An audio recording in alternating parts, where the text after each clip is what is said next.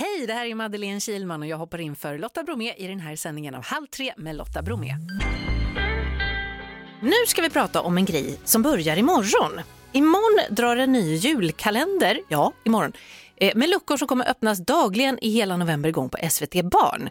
Det här är en kalender för alla som längtar till julen och vill undvika julstress i december. Malin Olsson är programledare för Fixar julen. Hej! Hej! Vadå, adventskalender i november? Vad är det som händer Malin? Ja, men det är kanske inte en, en eh, julkalender, men det, jag tycker att det känns lite som en julkalender. Vi kommer att bjuda på små, små korta avsnitt med eh, julpyssel, julfix, julbak, you name it, allt som har med jul att göra hela vägen fram till den riktiga julkalendern börjar och vi börjar öppna luckor den första december. Jo men så här, Alltså alla vet ju hur stressigt det är i december. Man ska hinna med Lucia-tåg och man ska hinna köpa julklappar och man ska fixa med skinkor och sill och det är bak som ska göras och ja, hur mycket som helst. Och jag tror att de flesta ändå kan känna igen sig i att det blir ganska stressigt. Ja. Och så här, då har vi ju ändå lösningen att så här, man ska ju fixa i november. Julfixen gör vi i november så att vi kan chilla och bara ta det lugnt i december. Jag som tänkte att den här stressen ändå var någon slags jultradition, begynnande magsår. Så, nej. ja, jo men precis. Ibland känns det ju nästan så. Men, men det är ju konstigt egentligen. Sen, jag är ju en sån här riktig julälskare. Eh, och jag tycker att det går så himla fort.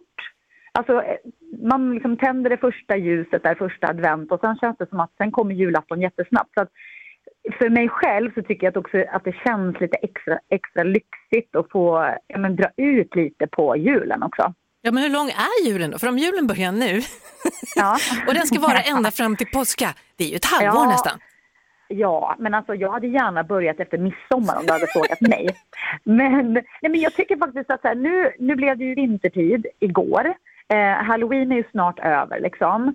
Och eh, nej, men nu tror jag tror att folk behöver någonting också något härligt att se fram emot och sådär. Mm. Och det är lite mysigt och pyssligt och bara få liksom äh, för mig är det nästan som en femte årstid faktiskt att gå in i den här jultiden. Ja, okej, okay, nu kanske du kommer lägga på här då. Men jag är ju inte någon jul, äh, jul nej. Nej. Nej, nej, nej, nej, nej, varför då?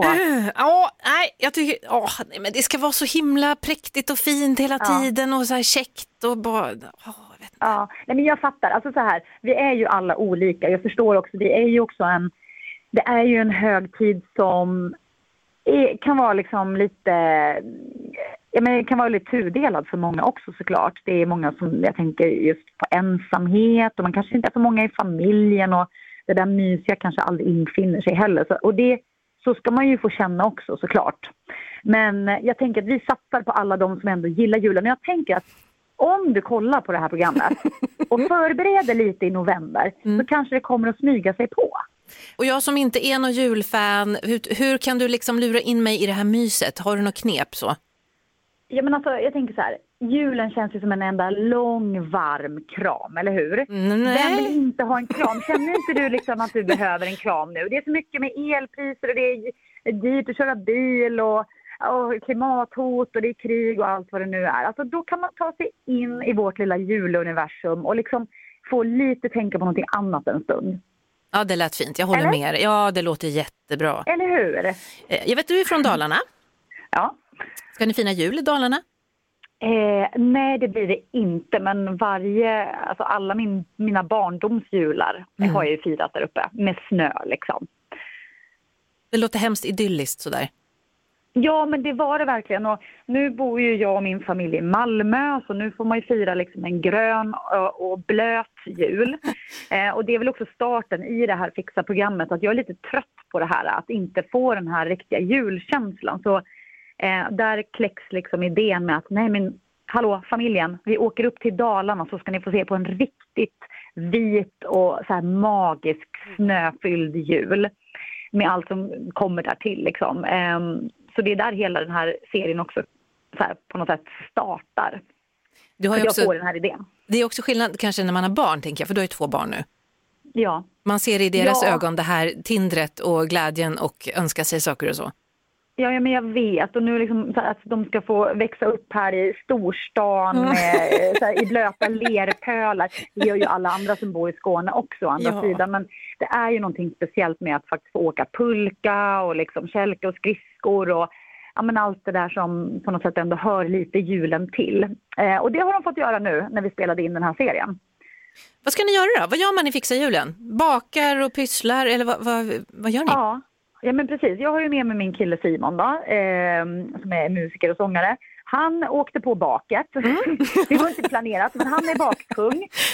Och sen, han är lite skeptisk till julen sådär. Eh, han tycker att det känns konstigt att börja julfixa i november. Så då försöker jag få honom att få den där riktiga julkänslan.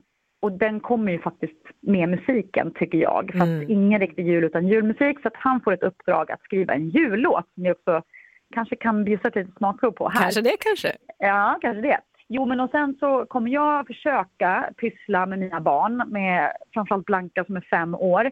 Det kommer ju gå som det går, men det kommer bli väldigt roligt. Och det är väl lite som, som det är när man julpysslar och bakar med sina barn. Att eh, vi vuxna kanske har en tanke om att det ska bli så här fint och liksom det ska vara rent och prydligt när vi gör det, men så blir det kaos och mjöl överallt och ingenting blev som det skulle. Men det blir ännu bättre. Och sen har jag också med mig två experter ska jag säga också till Dalarna, nämligen Amanda som är från den här fixargänget som jag har gjort mycket program med. Hon är eh, en riktig mästerfixare och byggare, bygger saker och kommer göra julklappar så man kommer få julklappstips som man kan göra själv hemma.